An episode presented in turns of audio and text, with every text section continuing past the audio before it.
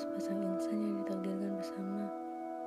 Kita hanyalah orang asing yang saling mengenal dalam satu keadaan yang lucu. Tapi ketika aku memilih untuk bersama, kamu hanya sosok bayangan yang tak berwujud, bahkan sekedar hayalan yang tak nyata. Dan aku tak pernah sadar hingga satu waktu suara indahmu berbisik keras untukku pergi atau kamu yang pergi. Nyatanya bukan itu yang aku maksud, melainkan kamu memilikinya. Sosok lain yang lebih berharga. Dia yang membuatku tersenyum dan tertawa lepas. Aku bertanya pada Tuhan, apakah aku tak pantas mencintai dan dicintai? Apakah kisahku harus selalu sama?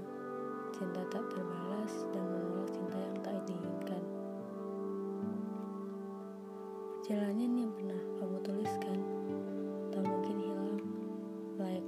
Amnesia, aku mengingatnya jelas. Aku tak mengatakan untuk dikasihani semua orang, tapi pada kenyataannya kamu berkhianat. Kamu mengkhianati ucapanmu sendiri, bukan aku. Bahkan aku melegalkan kesalahanmu. Aku menerima goresan pisau tumpulmu.